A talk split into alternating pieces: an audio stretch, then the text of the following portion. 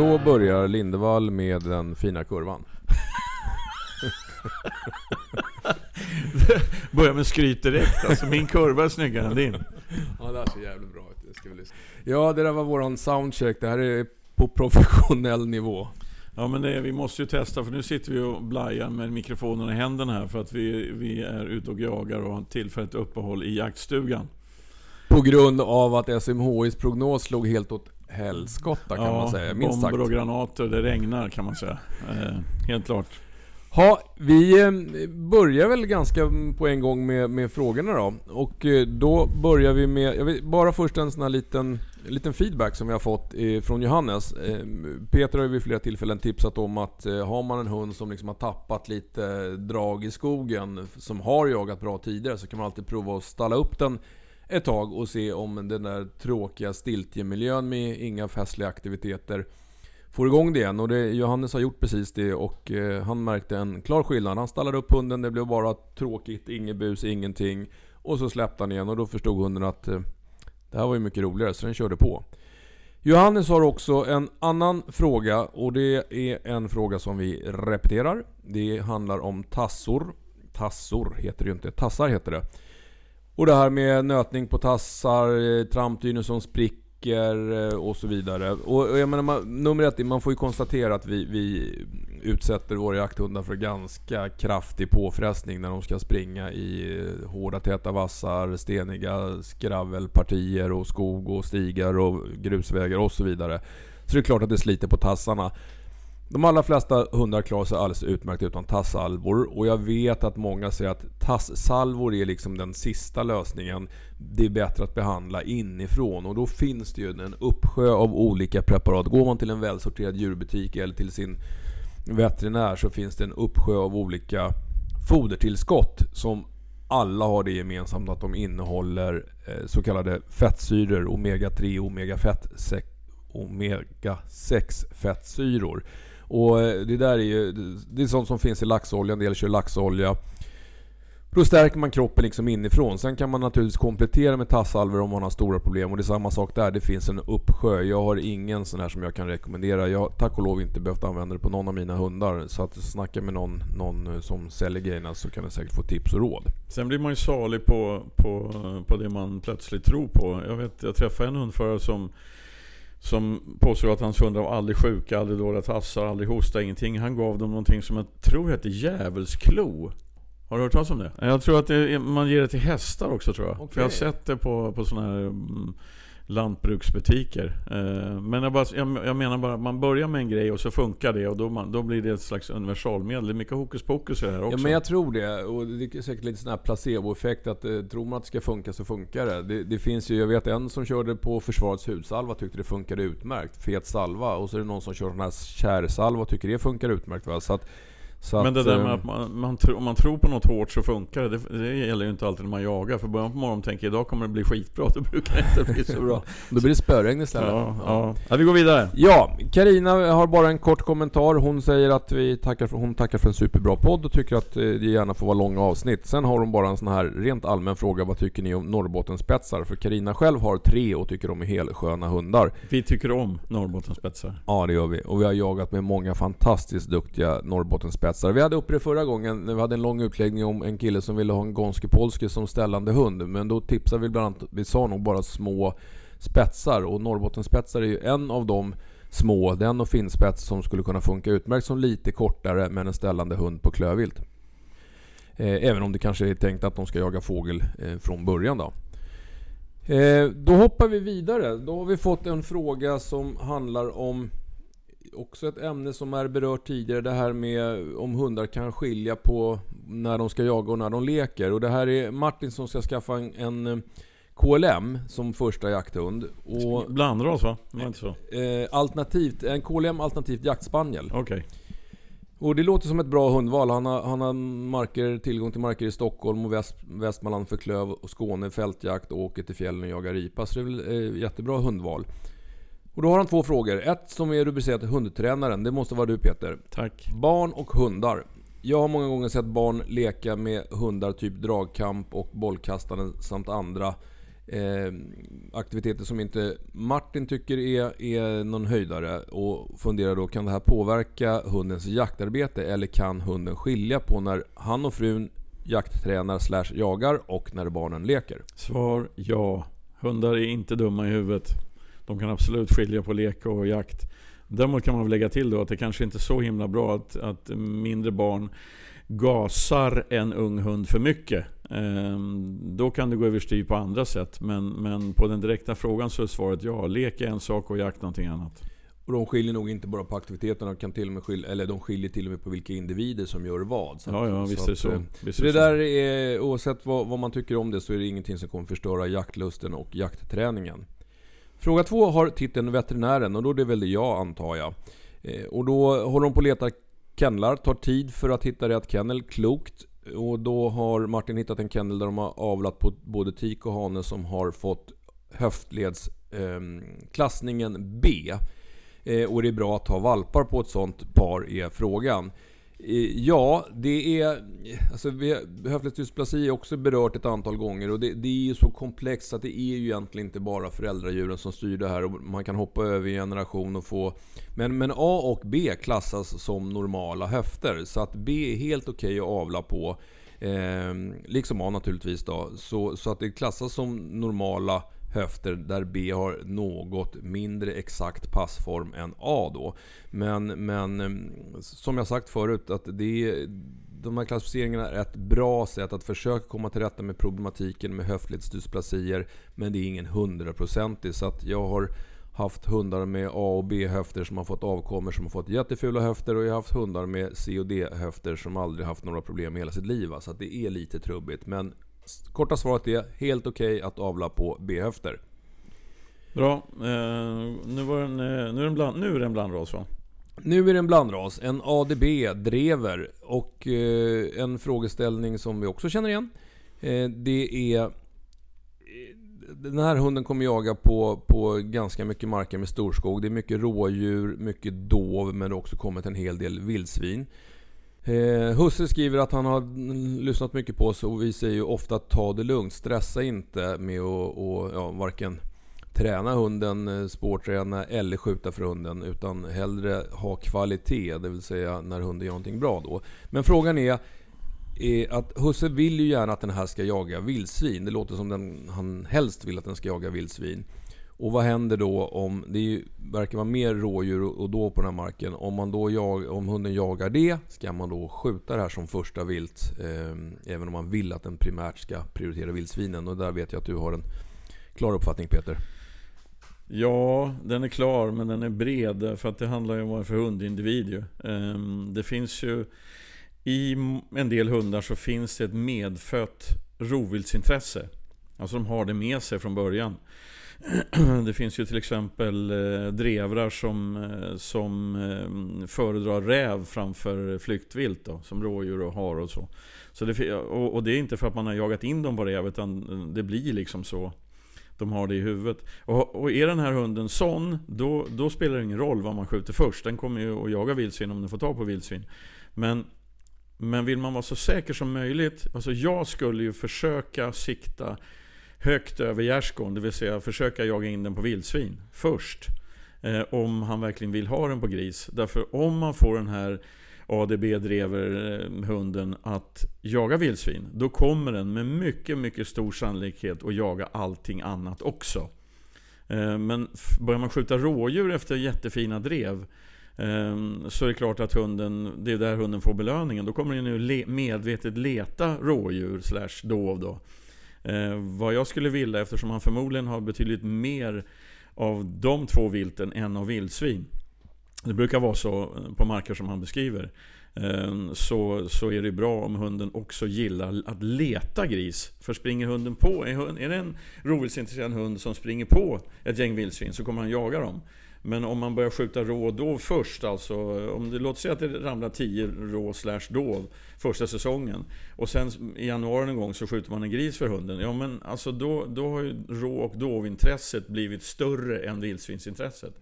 Så rådet är, om du vill ha den här hunden eh, att en medvetet ska leta vildsvin, då skulle jag försöka jaga in med kvalitet då. Men, men det finns hundra andra åsikter i det här ärendet, så mm, lyssna också på andra och skaffa dig en egen eh, väg som du tror på. Gott! Då är det Erik. Kan du babbla lite nu? Jag måste lägga in mer ved i spisen här. Ja, det är väldigt rått här inne. Peter lägger in ved i spisen om ni hör några biljud i bakgrunden. Och då läser jag frågan från Erik. Som också har egentligen två frågor. Han har en eh, jaktlabbe, 18 månader, tränar mycket viltspår och dösök och så vidare. Eh, och man kan nog titulera de här frågorna... Det var jäklar vad Peter rasslar här bakom. Jag, nu stängde han luckan. Då kör jag på. Den här eh, 18-månaders jaktlabben blev kastrerad för eh, några veckor sedan på grund av kroksvans, så han får inte avlas på då.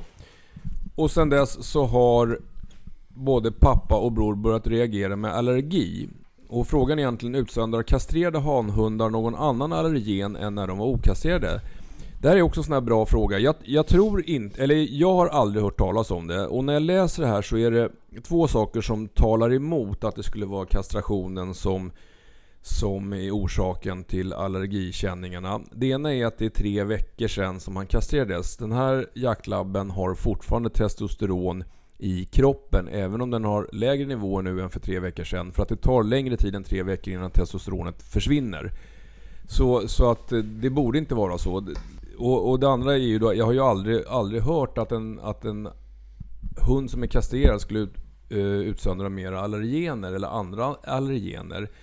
Möjligen, möjligen, men det är lite långsökt. Alltså det, allergi, pälsdjursallergi, det är ju ofta eh, mi, alltså hudavlagringar, mjäll som man reagerar på, inte själva hårstråna eller pälsstråna i sig. Om, om den här hunden då på något sätt har eh, Eh, känner av någon stress och utsöndrar. För hundar kan ju momentant börja mjälla när de blir stressade. Om det är någonting sånt. Men eh, jag, jag, ska, jag har en hudveterinär, eller två hudveterinärer på jobbet. Jag ska fråga dem om de har hört talas om det. här. Jag har aldrig hört det, så jag tror inte att det är orsaken.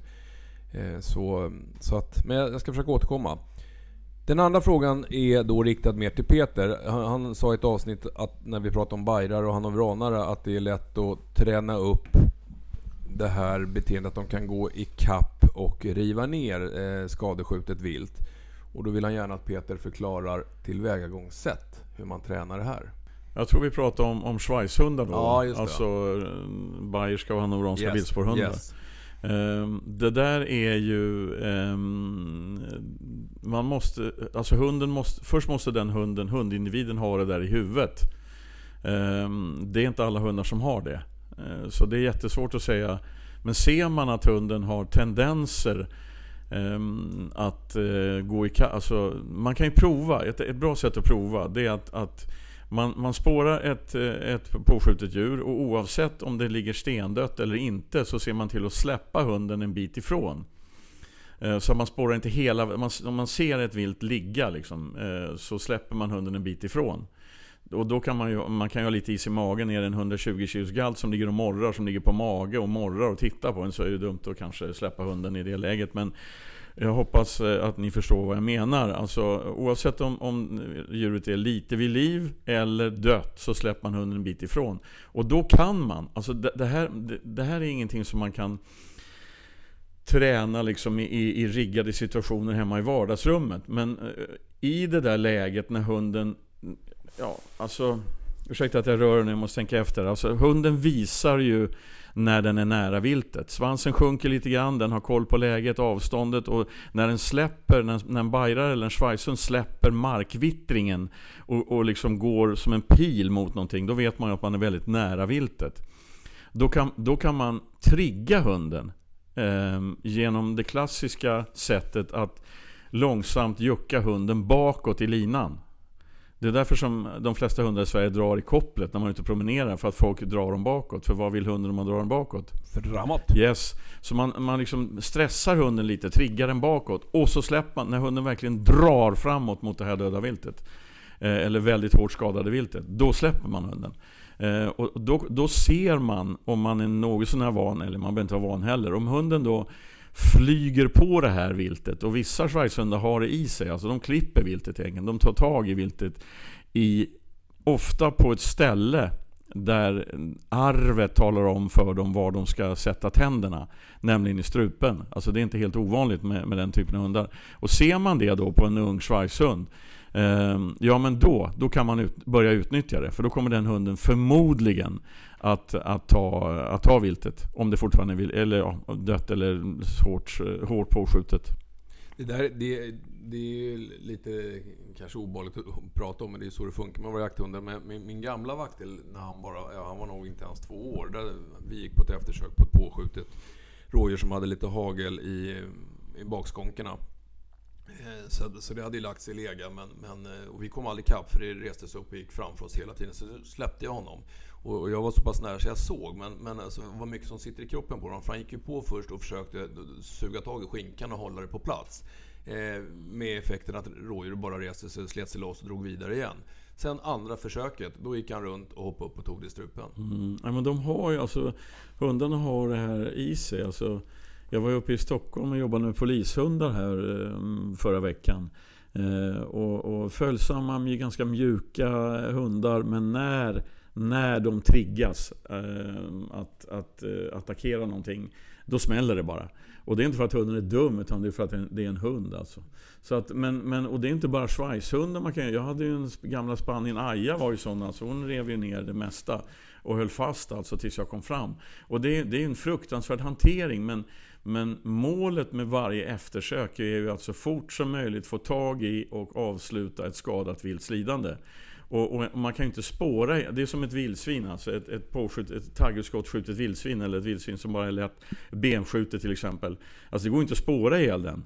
Det går inte. Du måste antingen ha en hund som ställer, går ikapp och ställer och får stopp på viltet. Eller en hund som tar viltet. Eh, det är vår skyldighet så. så att, ehm, det sa jag bara för att mildra upp det, för det låter ju lite som... Ja, jo, men alltså nu är det ju förmodligen mest jägare som lyssnar på det här, så att ni vet ju hur det funkar. Men, men, men det är ju som sagt det är för förkorta lidandet. Ja, lite tips var det i alla fall. Vi hoppar till Emil som har en treårig gråhund med enorm jaktlust. Det är den typen av hund som Emil skriver. Man släpper den på morgonen och sen ser man den inte mer på hela dagen. Dessutom så hör den på med annat än att jaga ju uppenbarligen. ja, och då kommer vi till problemen. Hittar inte den här gråhunden någon älg så springer han ner på byn och äter höns. Eller skäller på hästar och kor. Ja, det är inget bra. Nej. Eh, och det, det, det, är det här att, att eh, skälla på tamvilt, eller tamdjur ska man väl säga. Tamvilt, det är en riktig motsägelse. Den var bra! Ja, ja men alltså det, ja, det finns ju tamvilt ibland. Rå, rådjuren som knallar runt i vilda ja, trädgården och sådär. Det, det kallas för kontradiktion. Ja, det gör det. Ja, det, ja. Okej, eh, utvikning. Eh, dessutom är den här hunden är, är väldigt bytesmedveten. Den släpper inte fram någon annan utom husse till en skjuten älg. Så det är två frågor. Emil undrar dels vad gör vi åt det här eh, tamviltet, eller tamdjuren, skällandet och ätandet av höns? Eh, vi börjar där. Ja, det, allt, det, allt det här handlar ju om lydnad, helt enkelt. Alltså all, alla de knippen av problem här handlar ju om ly, dålig lydnad helt enkelt och dålig följsamhet. Eh, så mitt råd här, eh, hur gammal var hunden? Tre år. Mitt råd här är att backa bandet liksom. Backa bandet hela vägen bakåt till början och så börja om och bygga om, bygga om relationen med den här gråhunden. Eh, vara extremt tydlig och eh, gå kurser och jobba stenhårt med att få en följsamhet och lydnad. För har man inte inkallning på den här hunden Ehm, då kommer ju det här vara jättesvårt att åtgärda. Eftersom när man ska åtgärda ett problem, då gäller det, det allra bästa är att gå in och korrigera hunden just innan problemet uppstår. När hunden är på väg att genomföra problemet. Det är då man ska försöka stoppa den. Och det är ju svårt då om den kutar till en bondgård 4 km bort och börjar käka höns. Ehm, så, så här handlar det om lydnad. Det finns ju massa, mm, massa sätt eh, att få hunden att förstå att den inte ska käka höns eller skälla tamdjur. Eh, men för att den ska förstå det så måste man först ha någon form av lydnad och följsamhet så att hunden verkligen lyssnar på de korrigeringar som man gör. Så jag tycker så här. Backa bandet och jobba fram gråhundens egen vilja att lyssna på er. Eh, lite bättre än vad, eh, vad den gör nu. Um, och sen när ni känner att eh, fan nu kan vi... Eh, det, nu märker vi att uppmärksamheten ökar hos... Viljan att vara uppmärksam ökar hos gråhunden. Uh, då tar vi tag i nästa problem, nämligen hönsen och korna. Uh, och det bästa sättet, om vi tar tam, tamdjuren som exempel då. Det är helt enkelt att eh, med hunden i kort koppel gå mot tamvilt och så fort hunden överhuvudtaget tittar på de här tamdjuren så hoppar man in framför den och så tvingar man den bakåt i 200 meter eller något. Alltså riktigt våldsam korrigering utan att ta i hunden kan man säga. Eh, kort koppel och så tvingar man hunden, man mosar hunden bakåt med knäna helt enkelt oavsett om den vänder rumpan till. Gör man det eh, väldigt genomfört så kommer den gråhunden att sänka svansen och blinka med tungan och vika ner öronen och bli som en blöt fläck alltså. Eh, och när man ser, dem, ser det, då tvärvänder man utan ett ord och så går man tillbaka mot de här tamdjuren. Har man gjort rätt så kommer gråhunden inte att titta på dem. Gör den det så gör man om samma sak igen. Då. Och det här har jag gått igenom i tidigare poddar ett antal gånger.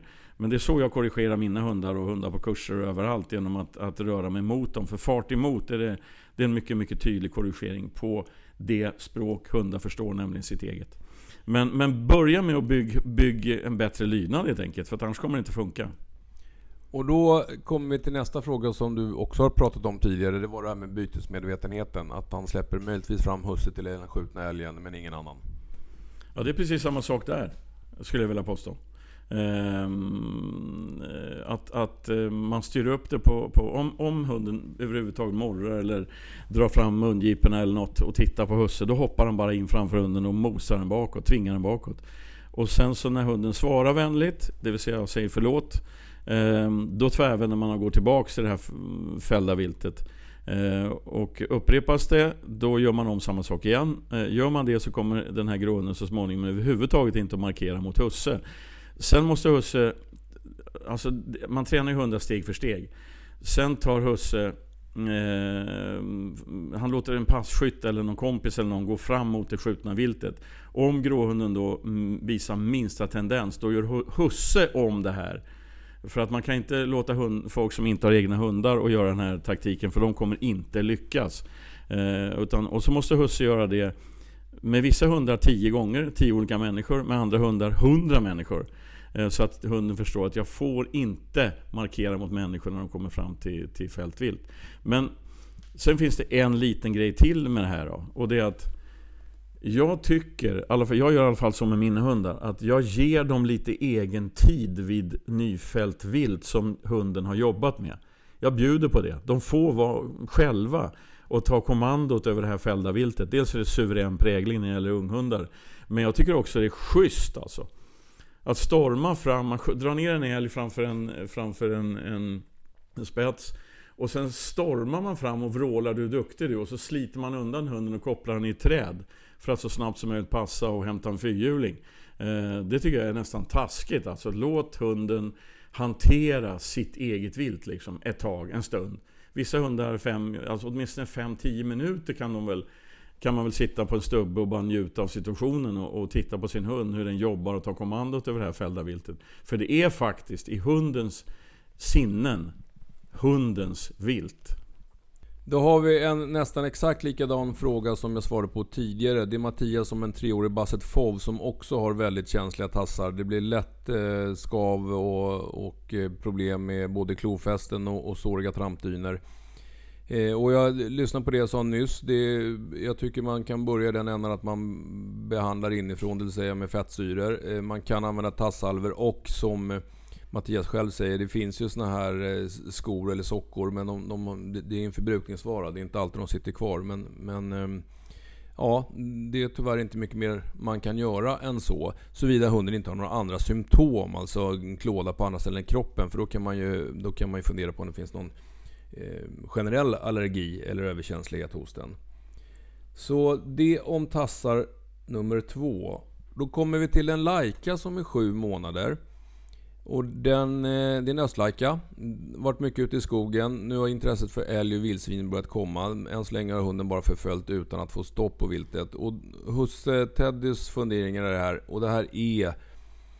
Jag förstår att det finns funderingar för många säger diametralt olika saker här. Eh, det vill säga, ska man släppa tidigt? Ska man vänta till hunden är mogen?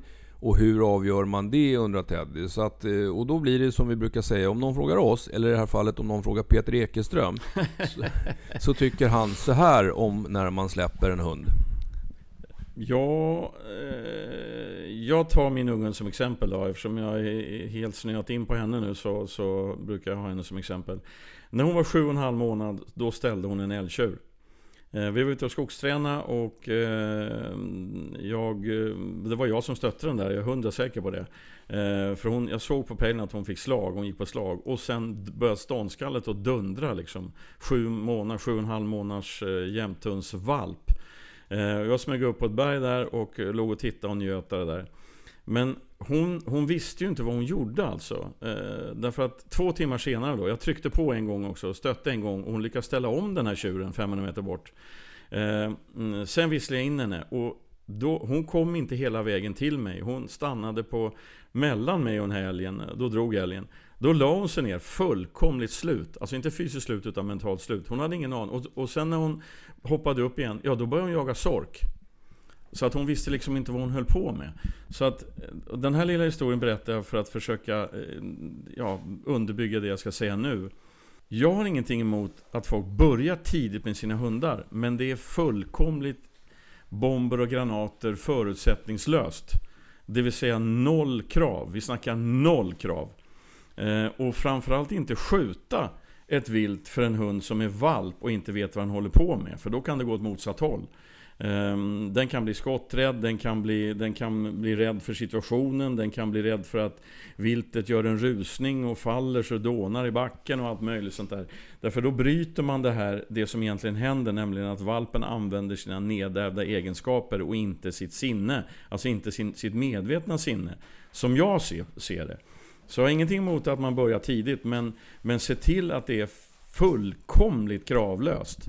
Um, och har man, har man dessutom å andra sidan en valp som inte visar något intresse av att jaga överhuvudtaget.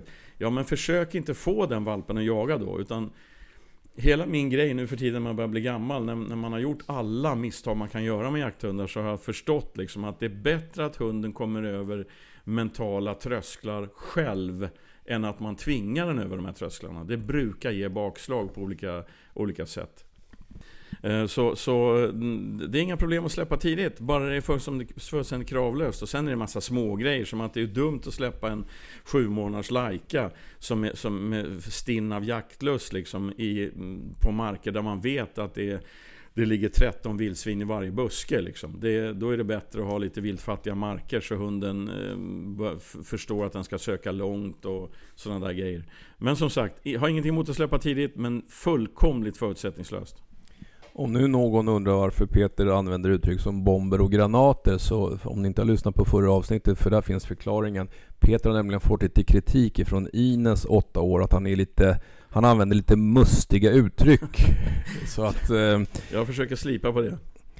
Eh, ja, men då lämnar vi det där med... Eh... Yes, och så går vi till... Men du förresten, hur gick det igår? Du, du jobbade ikväll igår, du fick ju in vildsvinsskadade hundar.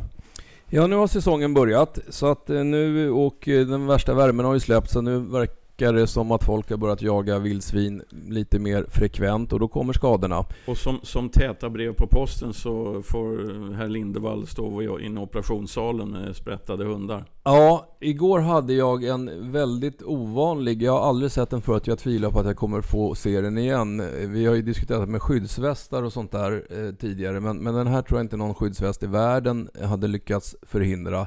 Det var en blandras tik som Ja, det här är ju otroligt. Den har alltså fått en vildsvinsbete rakt igenom båda blygläpparna.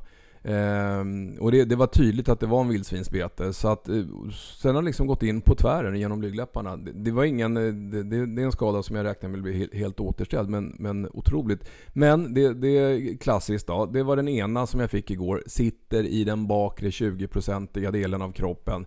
Där de flesta skador sker, därför att hunden kastar men hinner inte helt undan när utfallet kommer. Den andra var lite lärorik ur ett utbildningsperspektiv på ett annat sätt. Det var nämligen besök nummer två på samma vildsvinsskada. En gråhund, återigen sprättad på ett klassiskt ställe, ljumsken. Åtgärdad för någon vecka sedan, det var nog förra helgen, fick en dränslang för en ganska stor sårhåla, alltså en sån liten gummislang under huden som ska dränera ur allt sårsekret som bildas. En sån du syr fast alltså? Precis. Mm.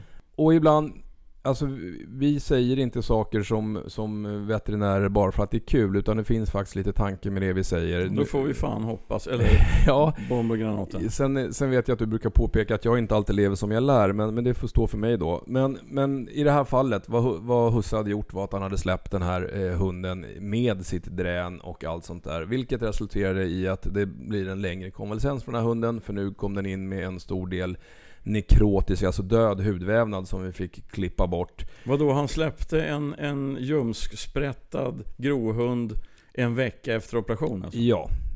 Inget bra. Nej, det verkar ju inte... Och nu hoppas vi att den här får stå stilla tills det här läker. För att alltså, det är inte kul att ställa sin hund i början på säsongen. Vad sa du till hundföraren då? Hur länge skulle han vänta? Eh, alltså, nu, nu får det här, nu får stygnen, för den här fick sys med ganska omfattande trådmaterial får sitta minst i 14 dagar.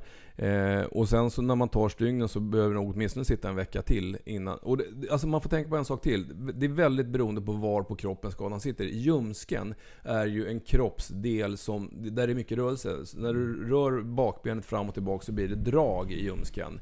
Och det, det, är klart att det ställer ju större krav på försiktig aktivitetsnivå för annars är det lätt att du drar isär de där stygnen. Va?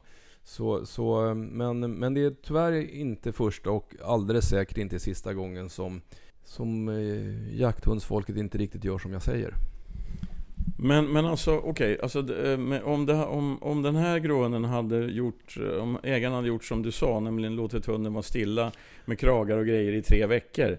Då, då är chansen stor att han hade kunnat släppa igen. Ja, då hade han förmodligen kunnat släppa Och vad innebär det här då? Han släppte ja, nu, efter en nu, vecka nu och allt gick han, skogen. Nu börjar han inte ens på, på ruta ett, utan nu blir det en längre konvalescens för nu är det en större sår, en större sår som ska läka eftersom det var så mycket död hud. Till och med dubbelt så lång tid? ja, jag skulle kunna tänka mig det. Att vi pratar nog kanske fem veckor nu. Okej. Okay.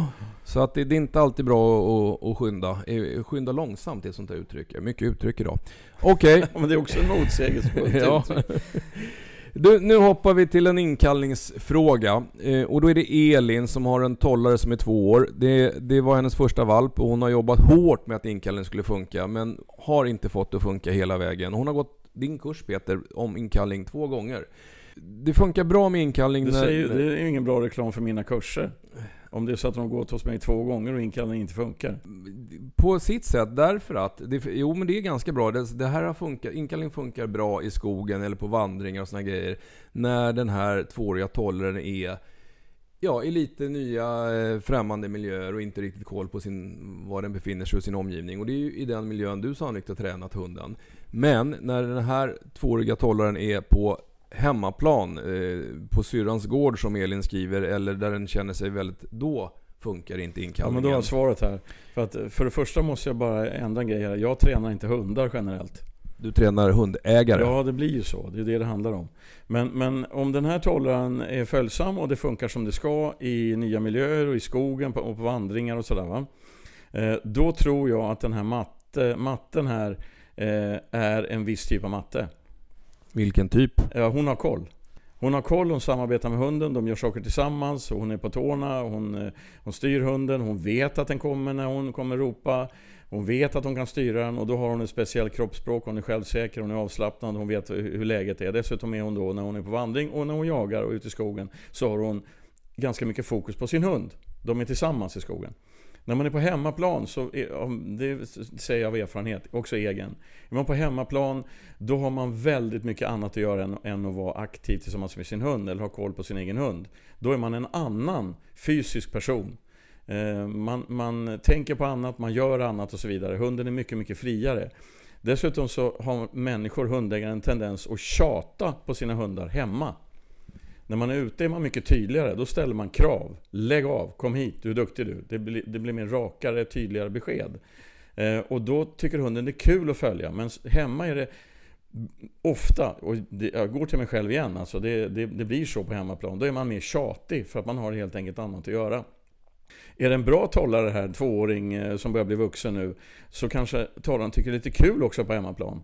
Eh, och var lite trotsig och Matte ropar och då sätter sig hunden och bara tittar. Ja men kom igen då, gör någonting, du vet. Så, så att eh, mitt råd till den här tjejen är att backa i träningen. Um, ha väldigt alltså ordentlig uppsikt över hunden i de här miljöerna där det inte funkar. Har hon inte det, ja då ska hunden vara kopplad helt enkelt. Hon har hunden i en femmeterslina eller i vanligt koppel eller något. Alltså har hon inte koll på hunden, då ska den vara kopplad. Eh, och när hon släpper den lös hos sin syster och hemma på hemmaplan och där hunden uppvisar de här jobbigt, jobbiga beteendena då. Ja, då är hon på tårna liksom. Då börjar hon styra, precis på samma sätt som hon gör i skogen och på, på eh, i andra sammanhang där det, där det vanligtvis funkar. Eh, jag återkommer till gång på gång på gång på gång. Hundarna lär sig oss mycket snabbare än vi lär oss hundarna. hundarna mina hundar vet ju jag själv mår på morgonen innan jag vet det. Eh, jag menar, de, de, de läser våra kroppssignaler och på hemmaplan då har den här tjejen inte koll helt enkelt. Och det ser hunden. Det är vad jag tror. Så backa i träningen, koppla upp hunden om du inte har styrning och inte är aktiv med den och inte har koll på den. Och när den är lös i de här miljöerna, då jäv... Alltså bomber och granater har du koll. Bra där Peter. Nu kommer vi till, alltså förra avsnittet avslutade vi med en sån här eh, fråga. Det var en Eh, som ja, mer eller mindre hade slutat jaga. Det kändes jättesvårt för vi hade inga, varken jag eller hundtränare Peter hade några självklara förslag på lösning. Nu är det lite samma sak igen. Här, Fast för nu, fem gånger värre. Ja, det här är ett långt mail. Jag ska inte läsa hela, men det är Mikael som har fru, två barn och fem hundar. Han har jagat med spetsar i över 20 år. Och de här sista fem hundarna nu, det är gråhund, KLM, alltså Kleine Münsterländer och vaktel har stuckit ut ur mängden. Och ska man sammanfatta det här så har de här hundarna, trots att de kommer ifrån bra linjer, inte fungerat jaktligt. Och när man läser Mikaels långa mejl här så han har gjort det mesta av det vi har tipsat om, eller Peter framförallt tipsat om under våra poddavsnitt eh, för att få det här att fungera. Eh, så det här är en jätteknepig fråga därför att hade det varit en hund och kanske två då hade man eh, kunnat skylla på individen. Men nu är det fem olika hundar som beter sig på samma sätt. Och Mikael har ju då med all rätt börjat fundera på, gör han någonting som är fullständigt galet? Och eh, det var väl egentligen bara när vi satt och pratade om det här innan, en sak som, som vi inte hittar i mejlet och som åtminstone skulle svara på frågan om det är Mikael som gör någonting galet eller om han bara haft en sju hell, eh, karamba ja, det, det är ju tips alltså. Gör han, eh, tar han det här rådet så får han åtminstone besked om, han, om det är han som har gjort något fel. För han, nu är han orolig för den här yngsta hunden, det är ju en valp. Han vill inte göra fel den här gången då. Eh, men, men alltså, ta någon av de andra hundarna som inte funkar och lämna över den till någon annan. Och då menar jag en människa som är jaktidiot, som jagar massor men som inte har någon form av känslomässiga band till, till den här hunden överhuvudtaget.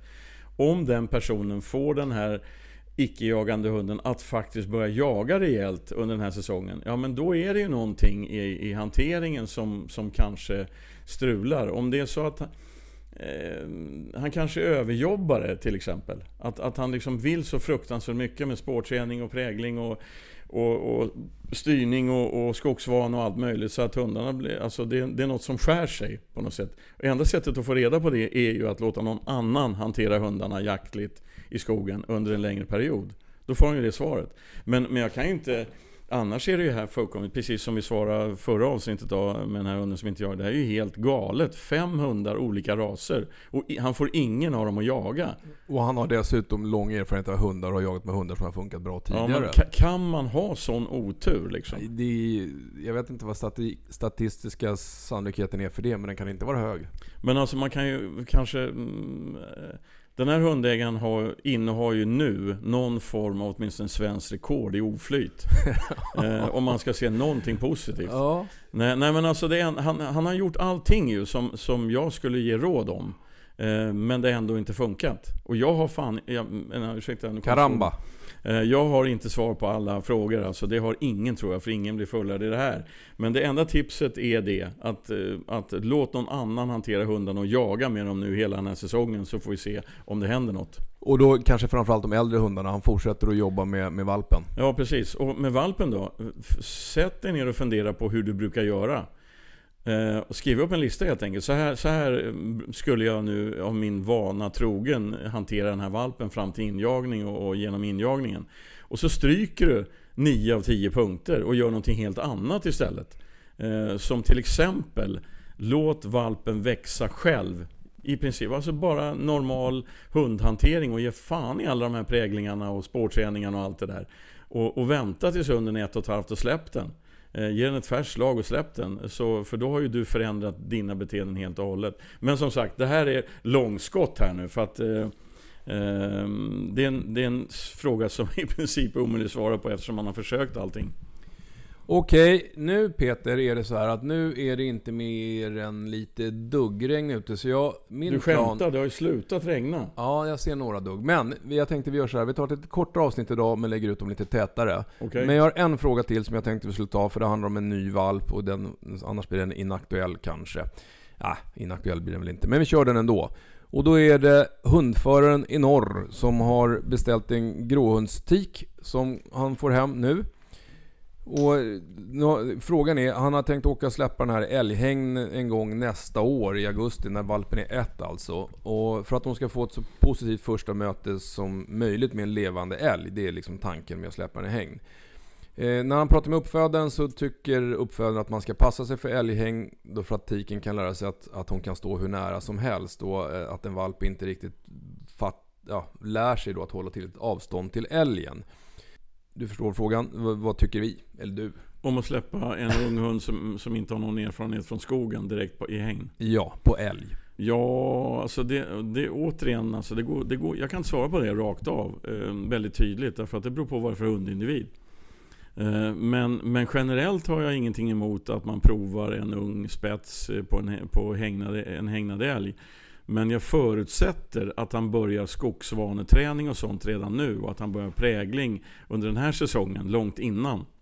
Eh, så att hunden är, har en självständighet och, och den, liksom, ja, den, den söken börjar komma igång. Och den drar iväg en, eh, åtminstone 500 meters turer och sådär innan den är ett år gammal. Eh, och, och, ja, så att han får lite, lite drag i hunden först. Då.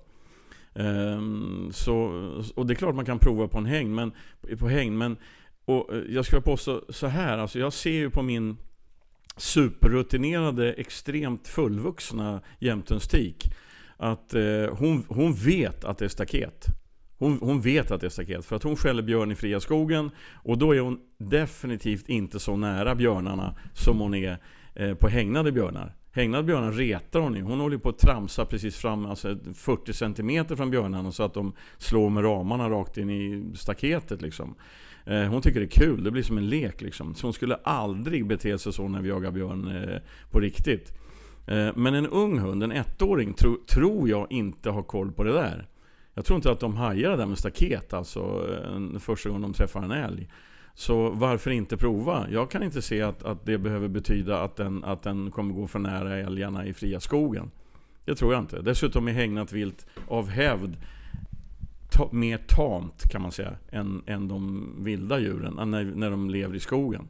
Eh, utfallen kommer mycket snabbare ute än vad de gör i, i hägnen. Alltså, så att, eh, eh, men, men tänk dig för när du släpper i hägn då. Se till att du går, går, går upp i vind långt ifrån hägnet och se om hunden klarar av att ta sig över den mentala tröskeln. Att själv, utan att hon ser dig då, eh, eller att du är i närheten, gå fram och skälla på älgen. Det är sånt mer som jag tycker man kan titta på i hägn. Eh, om de behöver stöd eller inte. Sen, sista grejen om hägn då. Hägn har en... Alltså hägn är otroligt bra ur ett perspektiv. Alltså riktigt bra. Och det är inkallningsträning. Det, det, är, det, det är det absolut häng som hägnen är absolut bäst till. Eh, för det är staket. Du får tag i hunden förr eller senare så, så du kan släppa tillbaka den igen. Och det, det är väl bra att göra det då om det är en jakttokig ettårig gråhund vi snackar om.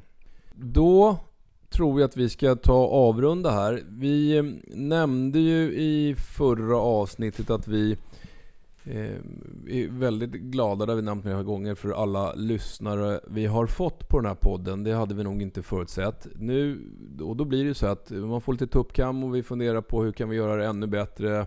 Vi har ju plöjt ner eh, en del pengar på att köpa utrustning som vi knappt behärskar. Men, men vi, vill, vi vill gärna komma ännu längre. Och vi, nu nästa sak vi har funderat på är att skaffa någon bra portabel inspelningsutrustning så vi kan göra lite mer livegrejer ifrån skogen. Eh, vad jag vill komma egentligen, vi, vad vi nämnde förra gången, det är att vi funderar på, på något sätt. Vi har haft försökt att, att jobba lite grann med sponsorer, men vi inser att vi vill inte ha ett program som består till eh, 30-40% av reklam och dessutom är det inte riktigt vår grej att sitta och diskutera med leverantörer. Så vi, vi har funderat på det här som kallas för crowdfunding, eh, alltså sponsor ifrån lyssnarna. Att man sätter en liten peng på på eh, lyssnaravsnitten helt enkelt. Och vi, vi har nog nästan kommit fram till i alla fall att vi, vi kommer nog gå vidare på det spåret. Vi hoppas ju självklart, att det blir ju inga gigantiska summor på något sätt, att så många som möjligt hänger kvar och lyssnar. För att vi på det sättet ska kunna göra kanske både längre och tätare. Ja, men vi har ju hittat det här systemet som heter Patreon. Yes. Patreon. Ja. Eh, och vi har gått in och tittat på det där och eh, eh, den lägsta summan som man kan, får ta genom det där systemet Det är 3 euro Ja, eller, dollar per månad. per månad då. Och det, så det skulle Eh, göra en 6 kronor per avsnitt eller någonting sånt där. Ja just det. Så att, eh, men, men vi återkommer det, till det. Men det kommer fortfarande bli åtminstone något avsnitt som ligger fritt i luften. Men, men vi hoppas att ni tycker att det här är så pass intressant eh, så att vi skulle kunna utöka och eh, Utveckla. lägga lite ännu mer tid på, eh, på det här. Det är skitkul alltså, men det tar massa tid. Så vi på något sätt måste vi plocka in det här med pengar i det här, även om det Eh, ibland känns lite konstigt. Jag brukar svara på fundfrågor utan att ta betalt. Men, men eh, så är det. Men vi återkommer till det i nästa avsnitt. Nu jagar vi! Om Någon, någon frågar oss.